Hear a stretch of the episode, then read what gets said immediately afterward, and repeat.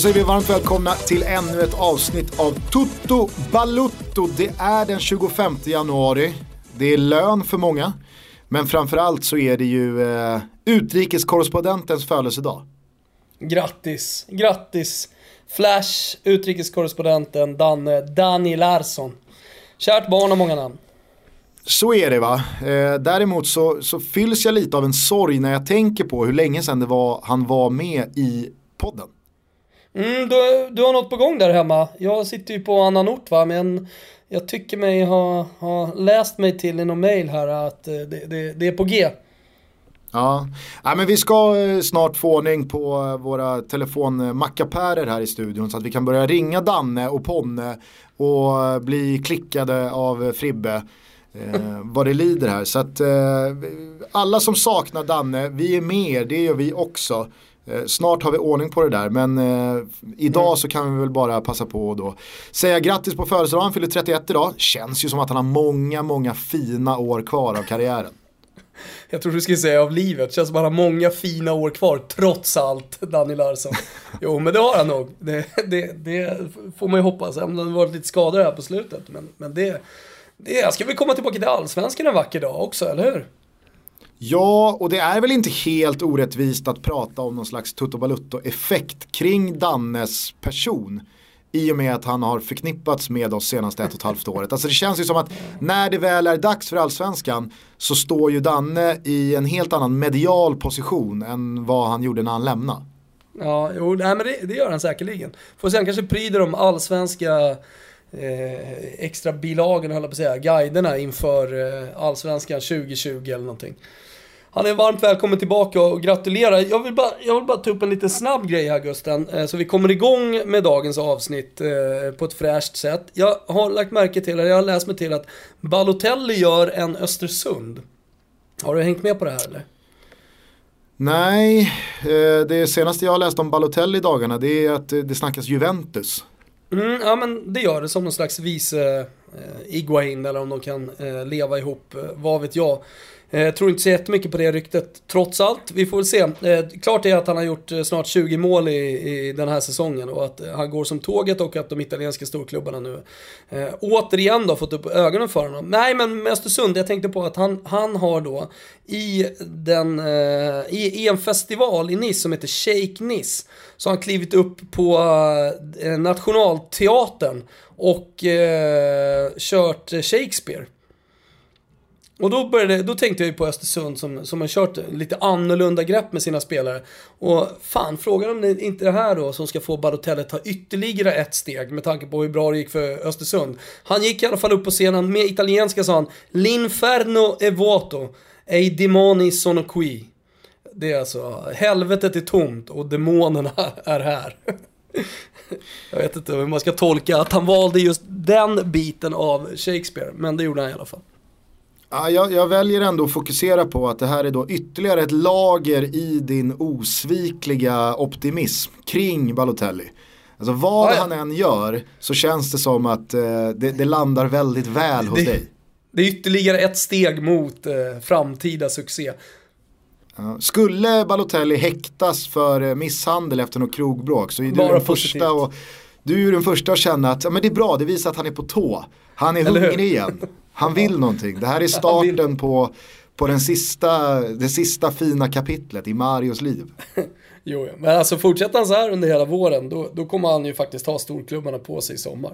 Vilket då många Eh, kanske eh, få gå tillbaka då och, och ransaka sig själva lite. Eh, och, och haka på lite på det här spåret som jag har varit inne på under en lång tid. Att man inte ska avskriva 25-åriga talanger bara för att de har hamnat lite snett i karriären. Utan det går alltid att komma tillbaka. Det finns hur många exempel som helst. Det var min Balotelli-dos för den här veckan, eh, Gusten. Det, och, och, det var vare sig någon eh, schnitzel eller gulasch va, utan nej, det var bara en litet, ett litet nedslag i eh, den ständigt positiva världen som kretsar kring Mario Balotelli. exakt, exakt. ja. vill, vill, du, vill du att jag ska städa av lite gulasch och schnitzel direkt? Det skulle du kunna göra, absolut. Då kanske du har med ja. då det här eh, den här Instagram-följetongen med Mario Balotelli, att han har slagit sin brorsa i Fifa. Och sen så har han fått då alla världens storstjärnor att eh, håna brorsan för att han åkte på däng. I Fifa. Ja, just den grejen är väl eh, dels några veckor gammal men också ganska ointressant tycker jag. Okej, okay, ja, ja, ja men bra. Kan ju hänga ihop med också att jag inte alls är någon tv-spelare och inte, ja. inte förstår det, det, roliga. Men vad vet jag? Nej, det, det är vare sig gulasch eller snitsel kring det utan bara ett stort gäsp. Jag tänkte börja i gulaschänden. Eh, för att det är ju ingen förmodligen som har missat att Leeds United har bytt klubbemblem. Nej. Eh, det här har du såklart eh, sett. Ja, jag har sett alla hån på sociala medier. Man då har gjort om klubbmärket. Ja precis, och det har ju, det har ju gått äh, jäkligt långt. Alltså, nu har ju äh, ganska stora klubbars officiella konton äh, gjort liksom parodier på Leeds emblem också. Alltså, det är till och med på den nivån. Jag såg att Zenit Sankt Petersburg hade gjort något liknande emblem och skrivit till då Leeds officiella konto på Twitter. Are we doing this right? Och, och så hade de liksom lagt upp ett, ett, ett skitfult eh, senigt förslag på en liknande typ av logga. Nej, men Leeds har i alla fall bytt emblem och eh, emblemet som är det är en sköld där det bara står Leeds United och sen så är det en ganska så ja, men, icke-avancerad tecknad torso där högerarmen då knuter näven och eh, slår sig mot bröstet som, att, som i en gest att eh, här, här jävlar eh, har vi hjärta. Och sen så står det då, jag vet inte om det ska ingå i själva emblemet men det har ju varit eh, väldigt tydligt kommunicerat i då lanseringen av det. Celebrating fans at the heart of our identity.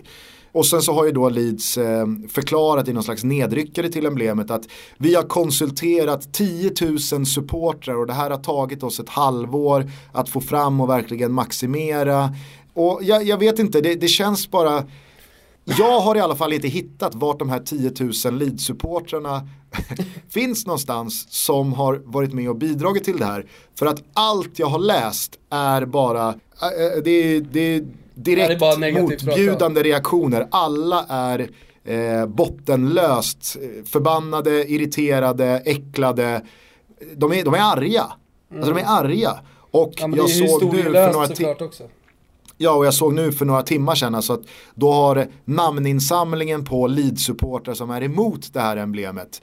Det är uppe och touchar 30 000 nu mm. på, på mindre än ett dygn. Så att Men jag, jag vet sak... inte riktigt vart de här 10 000 Leeds-supportrarna är. Ja, de kanske kör någon sån här box som man mäter eh, tittarsiffror med. Uh, jag vet inte, men statistiken känns ju helt klart uh, ifrågasättningsbar. Men jag vill bara säga en sak så här som många glömmer, det är att byta klubbemblem eller att liksom eh, rita om det lite. Att, eh, att eh, vad ska jag säga, hotta upp det eller, eller hur man nu vill.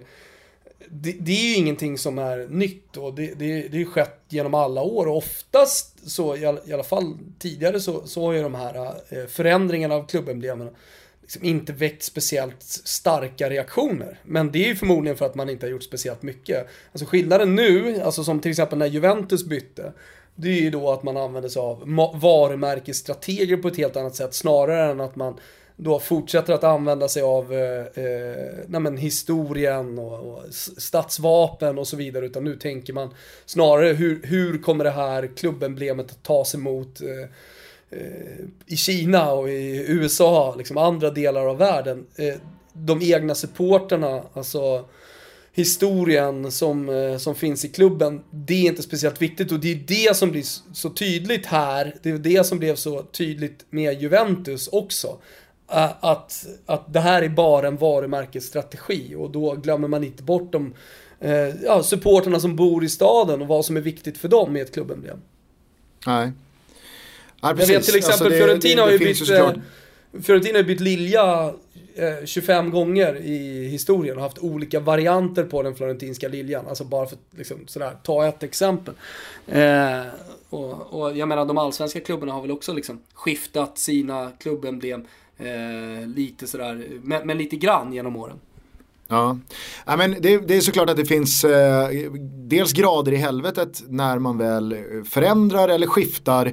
Eh, men så finns det också otaliga exempel på hur klubbar har skiftat sina emblem genom åren. Här kan man ju med fördel då grotta ner sig om man är intresserad kring det här i Leonard Jägerskiöld Nilssons väldigt nördiga bok Fotbollens heraldik där han går igenom det är väl hundra klubbemblem Eh, och då får man se hur emblemen har förändrats genom åren och vad de betyder och vad, de, vad det finns för olika symboler i och det där. Men det man fastnar kring, eh, det man fastnar i kring Leeds eh, nya emblem här, det är ju att ingen tycker att det har blivit snyggare. Eller ingen tycker att det har blivit bättre. Alla tycker att det ser ut som ett stort jävla skämt.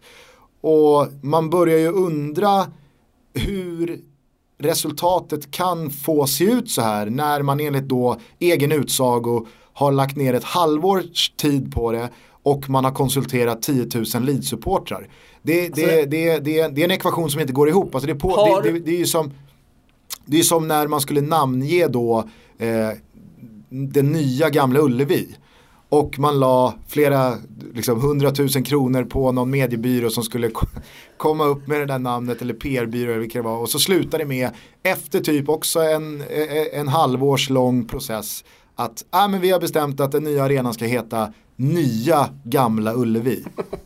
ja, det är ett magplask. Har vi, på tal om då eh, konsultation, har vi konsulterat eh, Ponne i det här? Va, vad tycker han? Nej, vi har faktiskt inte gjort det. Eh, det, kan, det. Vi väl, eh, det, det, kan vi väl absolut eh, göra. Du kanske kan ta på dig att skriva till Ponne ja. nu direkt så kan vi se ja. om han svarar under inspelningen av, av avsnittet. Ja, men så gör vi. Ja, men det, det, det var ju helt rätt då. Jag håller helt med Golarsen här. Den, den ska ju Leeds ha och alla som har varit inblandade i den här förändringsprocessen. Men det ska faktiskt bli intressant för jag har lite magkänsla att det här blev ett sånt magplask. Det här landade så fel hos så många och så många utanför Leeds har hånat och gjort det här till en sån stor apparat. Att jag, jag, jag har lite på känn att det kanske kommer en, en pudel här från Leeds. Och att Vad de liksom går tillbaka till det gamla. Säger du om nya klubbemblemet Pony? Sådär ja. Han befinner sig just nu i Murcia i Spanien. Det är inte så långt ifrån Ja just det, han är på, han är på solsemester han också. Ja, på solsemester vet du. Eller om han är med laget, ja. det vet jag. Jag har faktiskt ingen aning om. Eh, svårt att se varför Ponne skulle åka till Murcia hörru. Fan fru, han, han är ju nygift höll jag på att säga, han gifte sig i somras. Jag har en ja. idé om vart vi ska åka, jag tänkte vi skulle till Murcia. Eh. Han är, ingen, han, är ingen, han är mycket Ponne, men han är ingen reseledare. Nej, och på bilderna som han har skickat här för några dagar sedan så sitter han ju på balkongen med fötterna upp. Eh, och då har han alltså strumpor på sig. Men fan sitter på en balkong med fötterna upp med strumpor på sig? Det är Ponne. ett orimligt beteende. Ponne. Ja. Eh, nej men jag, alltså, så här, jag vet inte hur du känner, men är det, är det här någonting man helt enkelt bara ska vänja sig vid. Att Nej. Man det, kör det över ingen, klubben. Jag inte, religiöst tycker jag att ingenting, all förändring är ingenting som man bara ska vänja sig vid. Oavsett om det handlar om VAR, oavsett om det handlar om eh, att eh, då liksom mjölka ut eh, historia eh, eller eh, vattna ur historia och tradition från en klubb så tycker jag att man alltid ska liksom, se kritiskt på det och ifrågasätta det. Helt klart. Ja, för att samtidigt så vet jag ju precis som du är inne på att Eh, under så många klubbars långa historier har det här hänt hur många gånger som helst. Och efter ett tag så landar man ju i att det nya någonstans är etablerat och till slut så blir det klassiskt och gammalt. Eh, många klubbemblem i fotbollens värld idag har ju sett annorlunda ut tidigare. Men man har vant sig vid den förändringen och kanske läker tiden alla sår även gällande det här. Men jag drar ju mig till minnes typ när Cardiff kom in ny ägare och man byter liksom att nej men vi ska inte vara blåa, nu ska vi vara röda. Det är också ja. en sån här grej att, att jag, jag vet inte, alltså så här, jag har inte, eh, jag har inte ställts inför en sån förändring. Jag tyckte, alltså så här, det, det, var ju lite pissigt när Roma för två år sedan är det väl bytte då, alltså man tog bort ASR i halva emblemet och bytte bara ut det mot Roma. Eh, men det är ju en, så här, det är, det är en detalj som inte kanske ska likställas med det Leeds har, har åstadkommit Nej, nu. Eller Ju, Juventus absolut. skifte i somras eller eh, att Cardiff då byter färg på, på, på, på sin klubb. Liksom. Men jag vet inte, tr tror, du, alltså, tror du att tiden läker alla sår även när det kommer till sånt här? Jag tror det någonstans ändå. Eh, men eh, Alltså när det är en sån kraftig förändring, alltså Juventus-fallet till exempel så var det ju framförallt motståndarsupportrar eh, som gjorde sig lustiga. Eh, där den roligaste var eh, att Lapo Elkan hade varit och nallat på det här J som var två stycken streck och ett av de här vita strecken var borta. Eh, hur som helst, det här, men, eh, du, du, men i det här fallet så är det ju faktiskt eh, eh, liksom de egna supportrarna som är så kraftigt emot. Och därför tror jag, precis som du säger, att här kommer det få en motreaktion eh, så kraftig att eh, Leeds faktiskt kanske tänker om. Jag vet inte hur långt man har kommit om man börjar se, alltså vad kostnaden är jag menar, det, det är klart att det finns en, en stor kostnad att tagit fram det och alltihopa, men har man även börjat trycka det här på tröjor och på, är du med? Eh, på souvenirer ja. och, och börjat eh, byta ut eh, klubbemblemet på eh, högkvarteret. Ja, då, då, då kanske det är svårare att dra sig, alltså att, det, att kostnaden helt enkelt är för stor så att man kan lite ta tillbaka det. Mm. Annars ja, får man vänta 20 år som Leeds-supporter så är det dags för en ny, ny förändring då. Alltså, jag är ju dessutom väldigt spänd på att eh, höra vilka nya fyndiga ramser som Leeds motståndarlag eh, kommer på här nu den närmsta mm. tiden. För att det, det, det räknar jag med. Engelska mm, supportrar brukar ju vara ganska snabba på pucken och ja. fiffiga med orden att håna varandra. Så att, eh, det, det kan ju komma godis här som går viralt kommande tiden. Ja, verkligen. Ja, men det var ju lite gulasch då. Eh, schnitzel. En, en, lite, ja, en lite snabbare schnitzel. Mm. Eh, du vet ju att vi har eh, pratat lite om eh, stora fotbollsspelare som har slutat senaste tiden och man har gjort det på lite fel sätt Eh, man har liksom fyllts av att vänta nu, la inte Xavi eller eh, Lampard eller Kaká eller Ronaldinho av för ett år sedan och nej de slutar nu och alltså det har bara blivit liksom pyspunka av allting. Mm. Eh, kommer du ihåg Albert Riera? Ja, absolut. Han har ju figurerat både i Spanien och Italien eh, och England mm. kanske många minns honom från eh, sin tid i Liverpool och sådär. Eh, han har ju annonserat igår att han lägger av med fotbollen. Okej. Okay. och yeah. det, har han, det, har, det har han gjort genom en tweet. Där han bara skriver Right time to say bye as a player. Thanks to the clubs and supporters that have been along uh, this way with me from 2001 till today. Proud and thankful for the way we have been together during 17 years. Now time to look forward and impatient for my new step. Och sen så kör han bara hashtag thanks, hashtag football. Och sen så toppar han av det här med en bild på sig själv där han har hängt upp ett par Copa Mundial i en björk. är du säker på att det är en björk? ja, det är fan en björk. Ja, alboristen i dig, eh, den ska jag inte ifrågasätta. Ja, fint. Nej, men jag känner bara att det är så jävla, så jävla uppfriskande lagom. Ja. Han försöker inte göra det till någon stor grej, men han vill ändå säga att nu slutar jag. Och här hänger jag upp dojorna på en björk. Och ingen bryr sig. Nej. det är bra, mycket bra. Fler borde lägga av som regera.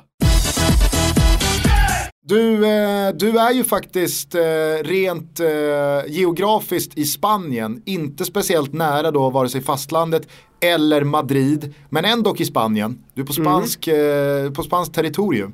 Mm. har du konsumerat någon dagspress gällande Real Madrid och deras new low får vi väl ändå säga efter att ha åkt ut Copa del Rey mot Leganes? Jo, absolut. Alltså är det någonting man har tid med på semestern så är det ju att läsa. Så att eh, den spanska, de spanska tidningarna finns här på hotellet. Jag, jag har följt med. Det, det är ju, för det första så är det ju ja, anmärkningsvärt, men det är ju smått otroligt att en eh, tränare, ett lag har gjort sån succé och sen så med samma lirare på planen och samma röst i omklädningsrummet och, och eh, på bänken göra en sån här bedrövlig säsong. Alltså, vi pratade om det lite tidigare för någon månad sedan, Eh, det här med motivation och Ofta så brukar man komma tillbaka. Jag, jag trodde att eh, Real Madrid kanske då skulle hitta form. Jag såg tecken på att man började hitta tillbaka till till någon slags storform. Eh, och att den då passande nog skulle komma helt perfekt lagom till att man skulle spela eh, mot PSG i Champions League. Nu borde man nog vara lite orolig som eh, Real Madrid-supporter att den här säsongen fan snart kan, kan eh, försvinna. För att det sista man har kvar det är de där två matcherna mot, eh, mot PSG. Sen så är det lite mer ja, så här, rädda det som räddas Zidane, kan. han verkar ju inte vara av någon annan uppfattning. Det var ju otroligt eh dels kanske uppfriskande men i alla fall ovanligt att han då på frågan igår efter uttåget mot Leganes att eh, är, är jobbet insatsen här nu mot PSG och han säger ja, helt klart, så är det. Om mm. vi åker ut mot PSG, då, då ryker jag. Sällsynt eh, att tränare uttrycker sig på det sättet. Eh, jag vet inte om eh, Zinedine Zidane känner kanske någon extra stolthet, eh, kanske lite extra stort ansvar just på grund av att han är en legendar som spelare och sen så har vunnit så mycket nu eh, under den här korta tiden som han har varit tränare. Att han inte vill, är du med, förstöra för mycket. Att han inte vill förstöra det arvet på något sätt. Det man också börjar fundera på, eh, låt säga då att eh, det går åt helvete mot PSG och att han står vid sitt ord eh, eh, och inte då lockas av att klubben försöker hålla honom kvar. Eh, vad, vad, händer med Zinedine Zidane efter det? Alltså, det är klart att man har lätt att se honom i, i en stor klubb, alltså med, med det han har gjort eh, och med, med liksom hela arvet som han eh, kommer in i. Alltså dels succén, och, men, men så stor spelare som han är, eh, på väg mot en superkarriär som tränare. Att man kan se honom i, i då ett ja, Premier League-klubb till exempel, i ett Juventus eh, eller, eller vad det nu är. Eh, men ändå på något sätt så känns det konstigt att se Zinedine Zidane någon annanstans än i Real Madrid. Eller är det bara en egen personlig magkänsla jag har? Att jag har svårt att se honom lyckas någon annanstans. Jag vet inte, det känns bara som att så här, ah, Jag vet inte, det, det är svårt att bortse ifrån att han har vunnit två raka Champions League. Och att han är den enda tränaren i historien som har lyckats med det. Samtidigt så känns Real Madrid som ett sånt jävla maskineri.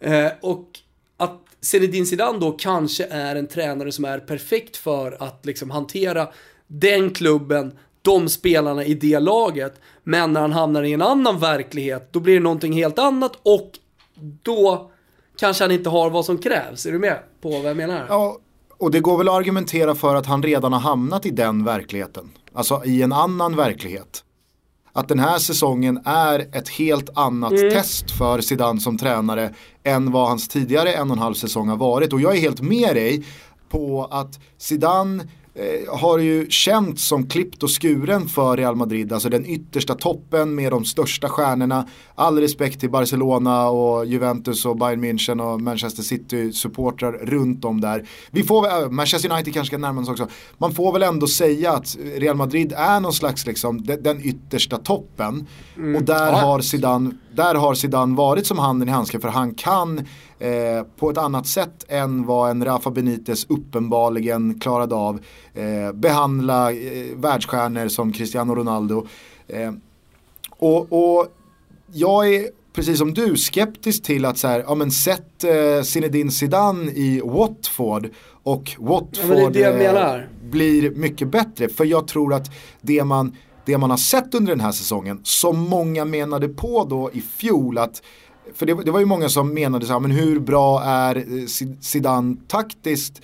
Eh, hur, hur, bra matchcoach är han? Nu, nu var det ju väldigt svårt att argumentera för alla de som stod i Zidans ringhörna och sa men titta, han gör allting rätt även taktiskt. Men som man nu kanske lite eh, sent om sidor har fått rätt i, alla de som var skeptiska till Zidans taktiska kunnande. För den här säsongen, jag ser Real Madrid i många matcher ha noll plan. Det, det finns liksom ingen mm. styrning, det finns ingen det, det, liksom så här, det finns Men man inga... brukar Mm, mm. Det Nej, finns inga, jag- jag han gör inga förändringar, han det gör finns- inga, liksom så här, nu går vi över till liksom. den här, Nej. nej. Nej, men och, och jag vet att jag har nämnt honom tidigare, men eh, en tränare som jag tycker varit jävligt bra på det, det är eh, Max Allegri. Som faktiskt har förändrat Juventus, alltså skruvat på eh, de här olika formationerna. Eh, så han till slut då har en liten taktisk verktygslåda där han kan spela 4-3-3, han kan spela 3-5-2, eh, han kan spela med Mandzukic ute på en kant. Alltså de färdigheterna hos en tränare ser jag som liksom, ja men jag, jag förstår att många andra klubbar kollar på Max Allegri. Däremot så är jag jävligt svårt, ett, precis som du säger, att se honom liksom lyfta ett West Ham. Jag har också svårt att se Zinedine Zidane eh, liksom acceptera att gå ner så pass mycket, vilket då utesluter eh, i stort sett eh, hela världen. Alltså det, det, framförallt så handlar det bara om vissa klubbar som han kan ta över och då måste tajmingen vara rätt. Han gör ju ingen gavetta. Han går, Nej. alltså han, alltså själv, han vill inte göra det själv. Det tror jag inte i alla fall. Jag, jag har inte hört honom prata om det heller. Men, men, men, men att han i Spanien, i Italien eller någon annanstans liksom skulle gå ner och inte ta en klubb med stora resurser med chans att vinna Champions League. Det, det, det finns väl inte på kartan. Nej, och jag menar, det, det kan ju dessutom gå att argumentera för att det är för sent för det. Alltså, han har slagit igenom över en natt och headlinat de största eh, festivalerna i ett och ett halvt år. Alltså, nu åker han ju inte och gör någon klubbspelning i Köpenhamn. Alltså, och, och börjar om från början, utan alltså, nu är han ju där. Och jag, jag, jag, jag tror också att han har en, en knepig framtid att gå till mötes här. Om han nu inte vänder på det, men det var det jag skulle säga. Vad är det som kännetecknar de allra största tränarna och de tränarna som omnämns som de största taktikerna? Ja, det är ju mitt tycke att det alltid till slut finns ett skyddsnät. Rent Precis. taktiskt matchplansmässigt. Alltså José Mourinho kan hamna i en jävla dålig streak men när det börjar brinna lite för mycket då kan han strukturera upp en match, en månad, ett sätt att spela fotboll där liksom förlusterna slutar ticka in på kontot. Ja, och det kan ju han enkom för att han sitter på den taktiska kunnigheten. Allegri kan nämnas där också, Conte kan nämnas där också, Ancelotti kan nämnas där också. Jag tycker inte att Pep Guardiola ska nämnas där för att Pep Guardiola är någon, alltså det, det är en annan tränare, han, han står men för något han- annat. Ja, precis. Han, han, är, han är en annan galax på något konstigt jävla vis. Ja, men han gasar ju ur eh, de ytterst få dåliga perioderna han kommer in i. Snarare än att han eh, stärker upp och eh, liksom tar ett par 1-0 segrar. Mm. Och det är ju det här jag menar att liksom, Real Madrids senaste 3-4 månader måste man verkligen fråga sig. Besitter Zidane den kunskapen som tränare att rent taktiskt gå ut och ställa ett lag på banan och faktiskt bara ta tre poäng, skitsamma hur det ser ut. Att de blev så avklädda som de blev mot Barca i El Clasico dagen innan julafton. Där tyckte jag det var liksom, det var sånt jävla man- underbetyg till Zidane. Ex, exakt, och då hade man ändå börjat se vissa tendenser på att de faktiskt eh, hade hittat formen. Och så kom den matchen och nu har den här månaden kommit. Visst, du, du körde ju svepet här i måndags eh, efter krossen i ligan. Och eh, självklart, jag menar det finns ju så otroligt eh, bra spelare i det där laget så att jag menar så även utan tränare eh, så skulle de kunna gå in och, och om allting stämmer individuellt för spelarna så, så kan de vinna mot, mot de flesta. Men problemet är när, när de stora matcherna kommer, alltså när den här PSG-matchen kommer, man har satt sig i den här situationen som man har gjort eh, när, när det bara är Champions League kvar. Det är det stora problemet. Alltså det, det, Ja. det, att situationen ser ut som den gör. Och att Zidane redan nu talar om ett eventuellt farväl. Det är nästa problem som man liksom står inför Real Madrid. Åker man mot PSG, ja fan. Ja, nu har ni ju sagt det. Eller hur? Sen tror jag, Ja, det ja, här kommer, alltså, sen han tror jag, alltså så här, för Real. Madrids, för Real Madrids det, det är alltså, och Zidane, eh, Zidane kanske också kommer handla väldigt mycket om hur man förlorar eventuellt då mot PSG. Vilken typ av match man gör och så vidare. Mm. Ja, det blir jävligt spännande att följa Zidane och Real Madrids närmsta framtid här. Alltså det, det är ju många Champions League åttondelar som är ruskigt intressanta på förhand. Ja, äh, det blir, och det, det, är skönt att de kommer snart också. Det är bara, det är bara tre veckor bort. Sen så, sen så är vi igång och då blir det jävla gaspedal Gugge, hela vägen till VM. Vi är fortsatt sponsrade av våra polare på Betsson och vi kan gladeligen tillkännage att vi kommer fortsätta med succékickerserna officiella matchtröjor eh, hela vägen eh, fram till mars. Top Dog Raoul låter hälsa att eh, det är så kul att pusha ut eh, matchtröjor mm. till, alla som, eh, till alla som är med och ryggar Toto-tripplarna. Så att vi fortsätter med matchtröjor även i hela februari, det är kul va? Ja, verkligen. Jag tänkte bara så här, vi får ju hela tiden nya lyssnare Gusten. Och mm. för alla som inte känner till det så kan jag bara berätta det att man signar upp på Betsson, det är ju inga konstigheter, och så skaffar man sig ett konto där. Och sen så går man in under godbitar och boostade odds. Där finns Toto-trippen. Och så ryggar man den med 148 spänn. Man tar en screenshot, lägger på sociala medier, Twitter eller Instagram. Twitter är ju det som har varit mest populärt. Då är man liksom med och tävlar om eh, att, att vinna de här matchtröjorna. Eh, och så har man mm. ju självklart också chansen att, att vinna deg. Eh, vi, vi har ju inlett 2018 eh, med att faktiskt eh, eh, följa upp statistiken, eller du har börjat med det på våran whiteboard på kontoret. Hur ser det ut just nu? Det är gröna siffror på dig va? Det är gröna siffror på Dalin och röda siffror på, på dig. Så jag, jag, tänker att det där ska fungera som en extra liten morot i din och min liksom, head-to-head tävling. Vem som kan göra mest deg under året. Eh, och jag tror att det kommer ha effekt på dig. För att jag, jag har märkt att i, i veckans trippel så har du inte, du är, du är inte och tallar på några fyra oddsare. Eh, utan det, det är favoriter. Ja, det var så jag en gång vann över dig i en annan eh, speltävling så att jag tänker att eh, kanske back to basic lite grann. Eh, så jag, jag, kan väl bara börja den, eller vi kan börja den ändan där då, att eh, jag drar min eh, trippel inför helgen. Och då tror jag på tre stycken italienska storfavoriter. Eh, det är Inter, det är Roma och det är Torino. Eh, jag läste precis i Gazzetta dello Sport där, eh, man gillar när de använder engelska ord och nu, i sina rubriker och nu kör de bara Mazzarri Revolution. Så det är någon slags revolution i Torino, taktisk nutritär eh, och så vidare och så vidare. Total eh, förändring från det att Mihailovic var där. Och jag gillar det jag läser, så att jag tror väldigt starkt på Toro. Jag tror starkt på Inter, även om många, jag vet, eh, har uppmärksammat att Spar brukar vara rätt vassa hemma. Men jag tror att de studsar tillbaka lite nu. Jag tror att de går in i en bra period. och jag tror självklart på Roma i helgen också. Dzeko eller inte Dzeko. Så att en, en favorittrippel för min del. Hur ser det ut borta i Casa Gugge då? Nej, men jag har också eh, valt att göra nedslag i Italien. Det är fa Cup-helg i England, det ska man passa sig för, alltid svårmanövrerat. Eh, lockades inte av någonting i Frankrike eller Tyskland heller. Så att jag har hittat eh, två spel i Italien och ett i Spanien. Jag tror att eh, det blir eh, över 2,5 mål i söndagskvällsmatchen mellan Milan och Lazio.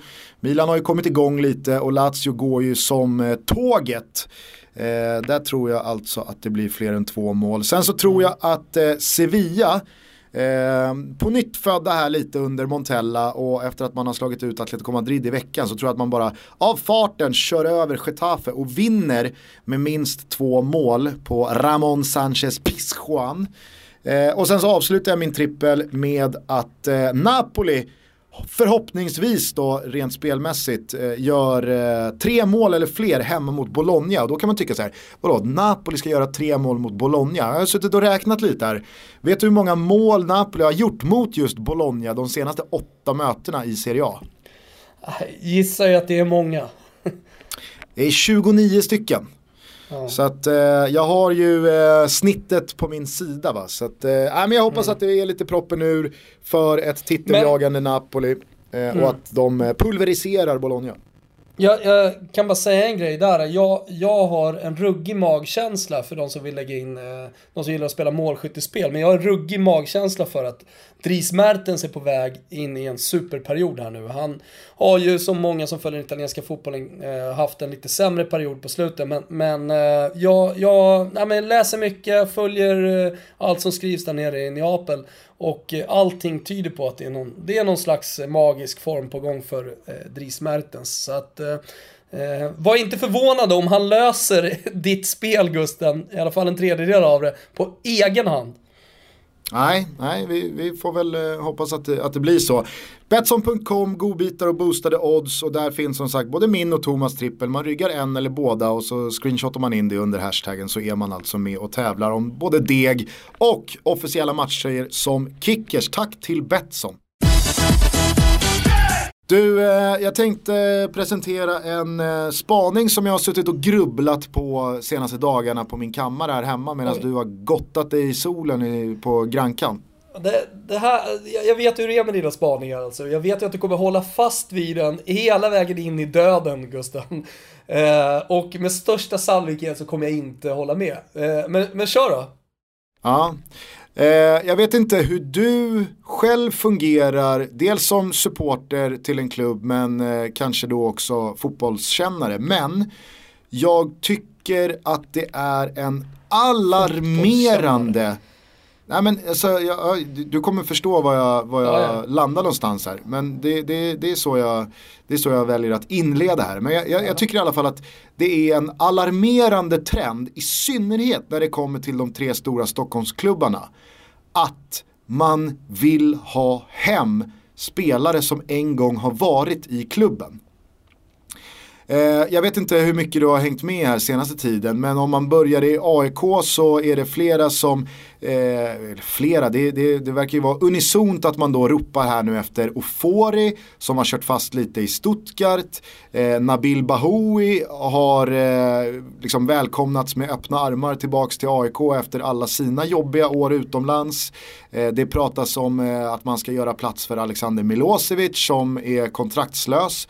Eh, om jag har förstått det rätt, han har brutit med Besiktas och låneavtal har rivits och sådär. Eh, vänder man sig till, eh, till Hammarby här nu så är det så sjukt många som då trycker på för att man ska göra en ansats att eh, få hem Erkan Sengin. Eh, vi har Erik Israelsson som verkar ha kört fast ner i Holland. Han vill många ska komma hem. Och eh, det pratas om att, ja men eh, ska vi inte göra en ansats för att ta Nahir Besara som gjorde det så bra i Bayern sist, han kanske vi ska gå efter. Djurgården har liksom, det, det, har, det har pratats om Olunga, nu landade ju han i Girona i La Liga och gjorde det ju sannoliken helt okej okay i sin debut. Eh, men där har man pratat om Sam Johnson, Erton Feitzulahu var en följetong i flera fönster senaste tiden. Eh, förstår du lite vart jag vill komma? Att det finns en, i mitt tycke, osund, eh, nästan förblindad relation till spelare som för ett, två, tre, fyra år sedan gjorde det så jävla bra i de här respektive lagen men som inte alls är några garantier på en upprepad succé. Och det finns ju jättemånga exempel på det eh, som det går att peka på där, där det här har bevisats. Självklart finns det också eh, motbevis. Alltså, jag tror inte att eh, Hammarbyare till exempel eh, var speciellt eh, missnöjda med hur Kennedys återkomst blev.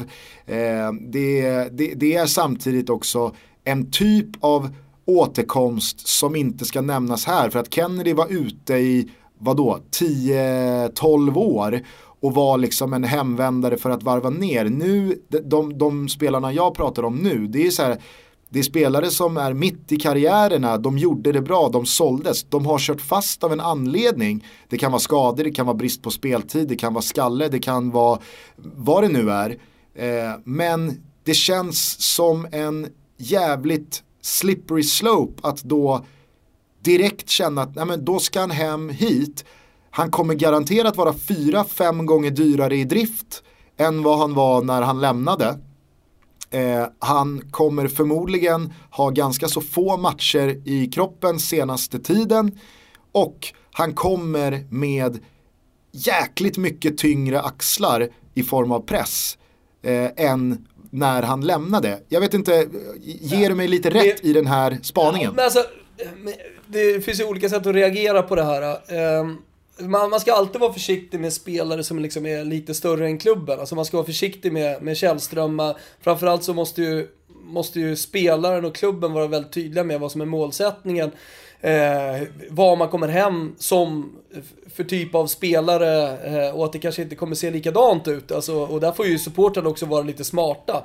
Eh, ja, men innan du fortsätter Thomas. Mycket, ja.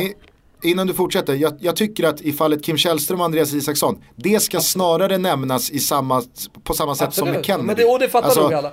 Jag, ja. jag, är med på det. Jag säger, jag säger bara att eh, den ena reaktionen, när jag kollar på internationellt sådär, när spelare kommer tillbaka, att det finns en fara i att man, man har lite för stora förväntningar. Och, men, men, men oavsett om det är liksom en Kin Källström-typ eller en, eh, och, och en Bakircioglu-typ, som du, eftersom, eftersom du gör skillnad på dem, eh, så tycker jag att allting fortfarande liksom handlar om förväntningar. Och jag kan förstå att man, är, man skulle ha enorma förväntningar på Nabbe om han kommer tillbaka till AIK till exempel.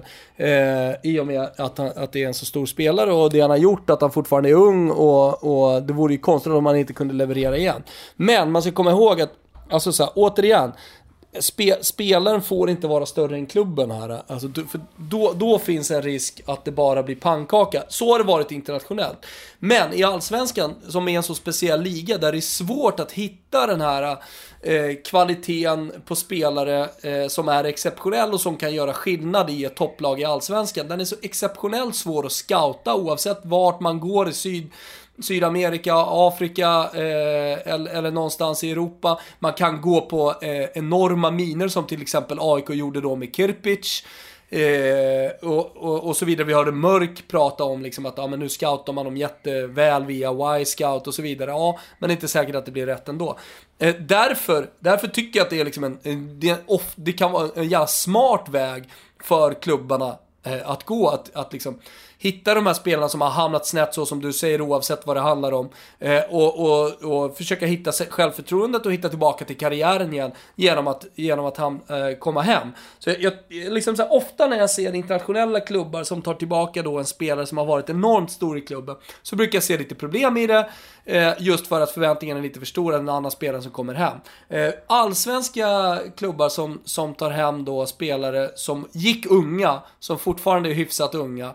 Eh, där, där ser jag inte så här jättestora problem. Jag, jag, jag, alltså egentligen alla spelare som du nämnde till de här olika klubbarna ser jag som eh, liksom, bra värvningar. Så, men, och sen så får man ju kolla på det som en helhet. Eh, tar du liksom Sam Johnson till exempel, han, det, det skulle ju vara en supervärvning för Djurgården. Han skulle gå in i det där laget och höja det, det är jag helt övertygad om med tanke på de spelare de har tappat i den truppsituationen de befinner sig i. Kollar du på AIK till exempel med Milosevic, ja då, är det ju no, då ska du ju flytta på på Pertan eh, eller, eh, eller någon i den där backlinjen. Är du med? Om man kollar på hela mittfältssituationen, skulle man värva både eh, Tark eller Nussi och eh, Ofori och så sitter man på de lirarna som man redan har. Det blir lite tjockt på det där centrala mittfältet. Hur ska alla kunna, hur, hur ska alla användas? Å andra sidan så kan jag väl känna liksom, är man en toppklubb eh, och liksom, då, då, får man väl agera lite som Real Madrid och Barcelona gör eh, och, och ha en bänk där ja, man riskerar helt enkelt att spelare är missnöjda. Men man, man garanterar också liksom, kvaliteten hela tiden i truppen. Om man, så här, blir någon skadad, ja men då får du in ännu, ännu en toppspelare.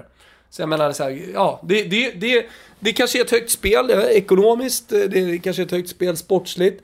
Eh, men, men jag, alltså som supporter så, så, så tror jag nog att jag, jag omfamnar det snarare.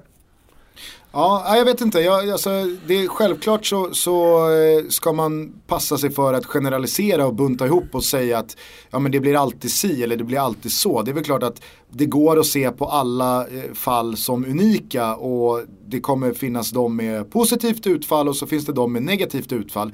Det jag, det, men det jag liksom menar liksom, i min spaning är att jag tycker att det är sån det är, en sån, det är sånt enkelt sätt att se på eh, vilka spelare man ska eh, plocka in i sin trupp. Vilka, gick, vilka var bra hos oss för tre år sedan? Skitsamma vad som har hänt sedan dess. Ta hem spelaren till oss så återupplever vi 2014 igen. Jag, jag, jag, jag, tycker att det är, ett, det är ett ganska så farligt sätt att se på spelare. Och här finns det såklart då en motpol. Nu får väl alla då Stockholmssupportrar liksom hålla för öronen. Men Tittar man på då hur en Daniel Andersson agerar i Malmö FF så tycker jag att det finns en mer restriktiv lite liksom ja, men, eh, fräschare syn på en sån här situation när man då inte går efter en Simon Tern som var strålande i Malmö FF innan han lämnade. Eh, man tar inte hem en Guillermo Mollins som var lagkapten och som supportrarna älskar och som var strålande eh, under, under sin tid där. Man tar inte tillbaka Magnus Eriksson när han ska vända hem till allsvenskan igen och behöver eh, få fart på sin karriär igen och, och liksom starta upp ett nytt kapitel. Utan man har gått vidare från de spelarna. Sen så går det absolut att peka på, ja, men Johan Dahlin då? Ja, absolut, men jag tror att Johan Dahlin är i Malmö FF för att spela tills han lägger av. Jag tror inte att Johan Dahlin studsar ut igen som utlandsproffs. Marcus Rosenberg likadant, när han väl kom tillbaka till Malmö FF efter sina år utomlands då kom han tillbaka för att avsluta sin karriär. Samma sak med Berang Safari. Eh, och, och, det är ju där det finns en viss skillnad. Eh, det finns okay, någonting. Men, ja. han, han, är inte så nostalgisk, Daniel Andersson. Och där upplever jag att det finns en skillnad i sportcheferi och jag upplever inte, nu lever jag i Stockholm och jag lever mycket närmre Stockholms klubbsupportrar än vad jag gör Malmö FF-supportrar. De kanske också skriker efter massa hemvändande spelare som har hamnat lite snett. Ja, eh, Agon Mehmeti har det lite tungt, han ska hem till Malmö. Men jag upplever inte att det är så och det går ju att peka på Malmös resultat som att det, det är svårt att säga att de, eh, att de har ja, eh, men tänkt jag fel. Tycker, jag tycker fortfarande, jag, ty, jag tycker att spaningen haltar lite på ett sätt i och med att det är en sak vad media skriver. Eh, jag tyckte att Björn Westerholm sa det jättebra. Vi får en dialog med de här spelarna och sen så får vi se vad som händer. Alltså det är en sak liksom, visst jag kan förstå att ryktena eh, dels liksom målas upp rätt stort på fotbollssajterna. Uh, dels liksom tas emot med känslor på ett helt annat sätt jämfört med andra liksom, rykten av spelare. Eh, bland supporterna. Eh, men vad, är det som i slutändan har landat? Eh, vad är det för spelare som har kommit tillbaka till Eftersom du nämner de här Stockholmsklubbarna som, ja, men, som, som det negativa i din spaning här. Så är det ju inte jättemycket som faktiskt har landat. Det är inte, det är inte jättemånga spelare som har landat än. Utan det, det har ryktats som spelare. Sen får vi se vad de här lagen startar med för lirare. Men, men återigen alltså. Tar AIK tillbaka och får det jag kan inte se vad som är dåligt med det, om jag ska vara helt ärlig. En lirare var han född 94. Eh, varför skulle han ha blivit en sämre spelare i Stuttgart? Det är klart att AIK skulle ha användning för honom. Och jag menar, det är också, det är också bara en bricka i, i, i, eh, i, eh, i, eh, värvningsstrategin också. Att faktiskt kunna, och smart, brick, eller smart kort att spela ut att man faktiskt har en god relation med sådana här spelare. Alltså, det, det, är klart att Nabbe, Nabbe skulle vara bra i Allsvenskan. Det är klart att han skulle vara bra för AIK på ett eller annat sätt. Så att, ja, jag, jag vet inte riktigt. Jag, dels tycker jag inte att så många spelare har, har landat i Stockholmsklubbarna än som hemvändare, utan det har varit lite rykten kring andra, men så har det alltid varit. Alltid rykten kring spelare som har försvunnit som inte riktigt eh, lyckas utomlands. Det är ju till och med så att, eh, att supportrar och media har eh, snappat upp eh, Alexander Isak i något läge att han skulle kunna vara på väg tillbaka. Men, men eh, i, alltså, det, det, det, är det ena sidan. Sen vad som faktiskt landas i slutändan, där, där, där ser jag inget så här. Eh, jag, jag, ser inte någon tydlig strategi från, från någon klubb. Det skulle vara liksom Bosse som hittade Kimpa och, alltså att, att strategin där snarare är liksom att, att hitta spelare då som vars karriärer eh, har, är på väg att stagnera i alla fall eh, internationellt. Eh, och spelare då som är sugna på att flytta hem med sina familjer. Det är väl, det är väl den enda strategin jag kan se på, på Bosse, liksom, att han har varit smart och hittat det. det med Sebastian Larsson-ryktet så är det ju då precis samma sätt egentligen, eller samma, samma grej, även om det inte är en gammal Djurgårdsspelare, att han vill komma hem med familjen och att Djurgården då skulle kunna vara ett alternativ. Så, ja, lite haltande tycker jag ändå att spaningen är. Ja, alltså, det, det, jag, jag säger inte här att eh, oh, nu är det så jäkla många spelare som har kommit tillbaka till klubbarna de spelade i senaste.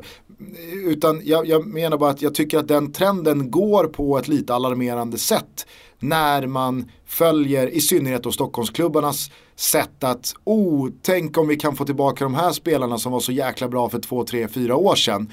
Eh, jag, Självklart, det, det, kan bli superbra med en Ofori i, eh, i AIK eller eh, Erkan Sengin kanske kommer tillbaka till Hammarby och liksom gör kaos med, med hela Södermalm och du vet, är, är landslagsbra. Det vet man ju såklart inte. Jag tycker bara att det är... Landslagsbra, en... det tror jag inte. Nej, jag tycker bara att det är, det, det, det är en lite så här förenklad ja, jag skulle, jag skulle, jag skulle vänta, jag skulle, jag skulle vänta lite med att ringa i alarmklockorna och så får vi se lite vad som händer där. Ja. Ja, det, det finns ju liksom så här, ta, ta Eero Markkinen som ett exempel då i AIK. Du vet, han är i AIK, han gör det skitbra, han säljs på något jävla vänster för typ 20 millar till Real Madrid. Sen är han iskall i ett år eller ett och ett halvt år eller vad det nu blev där.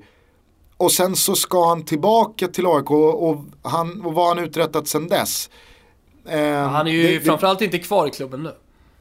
Nej, nu har han ju hamnat i en jävla märklig situation här i Tyskland. De rev väl hans avtal va?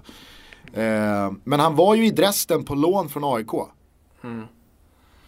Ah, ja. Men det finns lite samma sak eh, som med, med, med Obasi där också.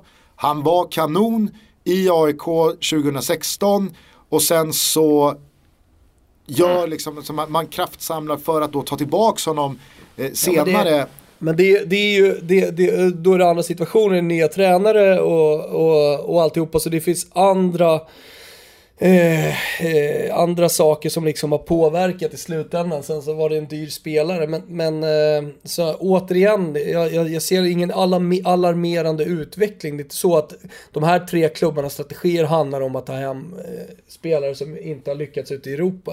Utan det är, det är ett kort som man har. Man utnyttjar liksom den goda relationen man har med spelarna. Och det tycker jag att man fortsätter, ska fortsätta att göra. Ja. Jag vet inte, någonting hade i alla fall piggat upp mig ifall eh, liksom, man hade satt mer tilltro till sin klubbs eh, scouting. Att nu ska vi hitta en eh, minst lika bra det, spelare. Det som är så jävla för en... svårt för allsvenska klubbarna, det är det. Det är, det är, enormt svårt att hitta de där spelarna som liksom skulle vara intresserade av allsvenskan. Ja.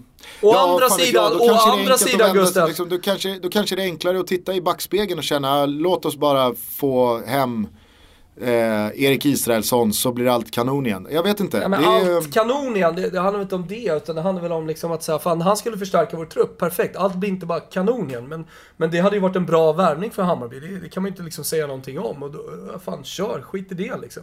Men, men, men det är det här men... jag menar. Det är det här jag menar. Jag, jag upplever att man, man snarare tenderar att se på Nabil Bahoui eller Erik Israelsson eller Erkan Sengin eller vem det nu är som spelaren han var när han lämnade snarare än den spelaren han är idag. Både i kvalitet, prislapp, alltså skadesituation, you name it. Det, det, är, det, som, det är det som skaver i mig. Ja, jag vet inte om det ska skava speciellt mycket. Alltså, Israelsson tillbaka, Nabbe tillbaka, Sam Johnson tillbaka, supervärvningar alla tre. Eh, kör! Ihop då med, sen får man ju utvärdera liksom hela fönstret självklart utefter eh, ja, men hur totalen ser ut och vad det är för trupper som man, som man eh, lägger i tränarnas händer. Men, men eh, jag menar för AIKs del om vi skulle värva hem och få det, det är svårt att inte säga att det är en, eh, en eh, fem femgetingar eh, transferfönster som Björn Westström gör. Och jag menar, eh, Djurgården med relativt ändå små resurser har uppenbarligen svårt att hitta spelare som förstärker den här truppen. Ja, men det är klart att det finns, man, man känner Sam Johnson, man vet, man, man vet, man känner killen, man vet vad man kan få ut av honom. Eh, man, man, kan hans liksom kvaliteter. Var, varför skulle man inte värva och utnyttja som sagt relationen som man har? Nej, nej jag håller inte med. Nej, nej. Eh, så, så får det bli helt enkelt. Vi kanske ska stanna där. Vad, eh, vad ska du VPN-tunnla i helgen då? Oj, oj, oj, oj, oj. Jag har en granne från Norge som springer omkring i Manchester United-tröjor. Eh, det var han som eh, också lärde mig eh, bästa sättet att VPN-tunnla på. Jag har en TV här nedanför som sänder eh, La Liga. Så att, eh, ja, det, blir, det kanske blir svep från Gran Canaria på, på måndag. Vore ju mäktigt. Eller hur? Det vore ju mäktigt. Riktig supermatch ju på Mestalla, Valencia Real. Mm, ja, ja, det finns mycket i helgen att hämta. Mm. Eh, själv eh, ser man ju fram emot eh, en riktigt svettig fa Cup-omgång. Alltså de här fa Cup-omgångarna, alltså jag, jag är ledsen Gusten, men jag, jag, jag zoomar ut, zonar ut totalt från, från det. Alltså då, då är det bara annan fotboll. Eh, ser ju att de allsvenska träningsmatcherna har kommit igång och det tycker jag är lite roligt. För då, då börjar man få de här första, inte indikationerna, det ska jag inte säga, men man, man får se sina, sina spelare första gången och lägger då märke till att Frej har ju ett, eh, ja, de, de, de har ju ett rejält spelschema här. De möter tufft motstånd. Först AIK då. Och sen så har du eh, Dalkurd idag. Så allsvenska, all, allsvenska klubbar står på schemat för, för, eh, för IK Frej. Som... Det var ett jävla har... spelschema du hade lagt ögonen på där du. Jo men vad fan, börja säsongen med att möta AIK och Dalkurd. Det är väl, det är väl tufft för IK Frej, eller? Ja. Är kanske mm. Frej eh, Sveriges motsvarighet till HJK Helsingfors? Ja men något åt den stilen. Sen så är ju Frej lite mitt lag i och med att eh, de har en Rönninge-kille i mål. Elgan. Jaha du. Ja, jag tror, okay. han, tror, tror, han, tror han eh, kommer från handbollen vet du. Körde länge handboll och sen så har han då styrt över kosan mot, mot fotbollen. Han, honom följer vi. Spännande då, spännande. Eh, men du, eh, vi gör väl så att vi eh, önskar alla en eh, trevlig helg. Påminner återigen då om eh, Toto-tripplarna hos Betsson. Och så lovar vi ett eh, nytt avsnitt eh, på måndag va? Nytt avsnitt på måndag, då går vi igenom eh, det som har hänt i helgen. Vem vet? En massa spaningar, kanske, kanske en lite mer träffsäker spaning från Gustav Dahlin på måndag då. Men ha inte för stora förhoppningar. Nej, vi håller tentaklerna ute under helgen och så ser vi vad vi kan eh, skaka fram till måndag då. Du, eh, vi ska hälsa också från eh, Top Dog Olof borta hos Grand Frank. Mhm, mm vad han hittat på nu då? Jo, imorgon fredag 10.00 då öppnar portarna för en sista batch av hoodies och t-shirts. Det var ett sånt jäkla tryck på de här hoodies-tröjorna och de marinblå tischerna. Så Olof och Grand Frank har tagit in 200 nya hoodies och eh, 100 nya marinblå tischer. Och de finns ute till försäljning då från och med imorgon fredag 10.00. Och för att vara extra schyssta eh, som Grand Frank alltid är så ehm, eh, etablerar vi den här trestegsraketen igen. Så att handlar man för 1500 spänn hos Grand Frank och anger koden Toto då bjuder Olof på tishan. Handlar man för två lax då bjuder han på hoodien och handlar man för två fem eller mer så bjuder han på både hoodien och tishan. Så att eh, jag tycker att det är ett mm. supererbjudande från Grand Frank och för alla er då som inte hann lägga vantarna på en hoodie och eller en marinblå tisha. Vi har ju fått en hel del mail och sms och tweets till mm. oss om just det. Så finns det en ny chans här nu då? Ja, nej men eh, absolut och det är ju sista chansen för vinterfärgen då, den marinblåa. Sen så går vi in i, eh, eh, i vår och sommar vad det lider och, och har säkert hittat på någonting nytt roligt. Men sista chansen då för den, den otroligt fina marinblå tishan som jag faktiskt sitter i när vi spelar in det här. Härligt. Och för alla er som eh, utnyttjar erbjudandet med att handla hos Grand Frank för en viss summa och då få hoodie eller tishan. När ni använder den koden, då är ni också med i en tävling. Eh, Olof slänger in två klockor som ska lottas ut. Han är helt tokig där borta i Sätra. Härligt, härligt. Och detaljer kring det här kan ni ju eh, också följa via våra sociala medier. Där du, satan vad du levererar på Instagram alltså. det är en ny nivå nu Gugge. ja, jag hinner knappt med. Jag hinner knappt med mellan alla videos. Nej, jag märker att du gör några små desperata försök själv eh, då och då. Men eh, ja, nej det gör vi. Och så kan vi väl gå ut på någonting då som skulle göra utrikeskorrespondenten glad, tänker jag, eftersom det är hans födelsedag ändå. Ja, absolut. Vet du hans favoritmusikakt eh, Nej. Det är Outcast. Ja, men då kör vi det. Så vi eh, avslutar väl med Roses med Outcast och sen så säger vi trevlig helg till alla er underbara människor som väljer att lyssna på Sveriges bästa fotbollspodd Toto Balutto. Hörrni, tack så mycket. Eh, tack för att ni lyssnar. Ta hand om er. Ciao tutti! Ciao tutti!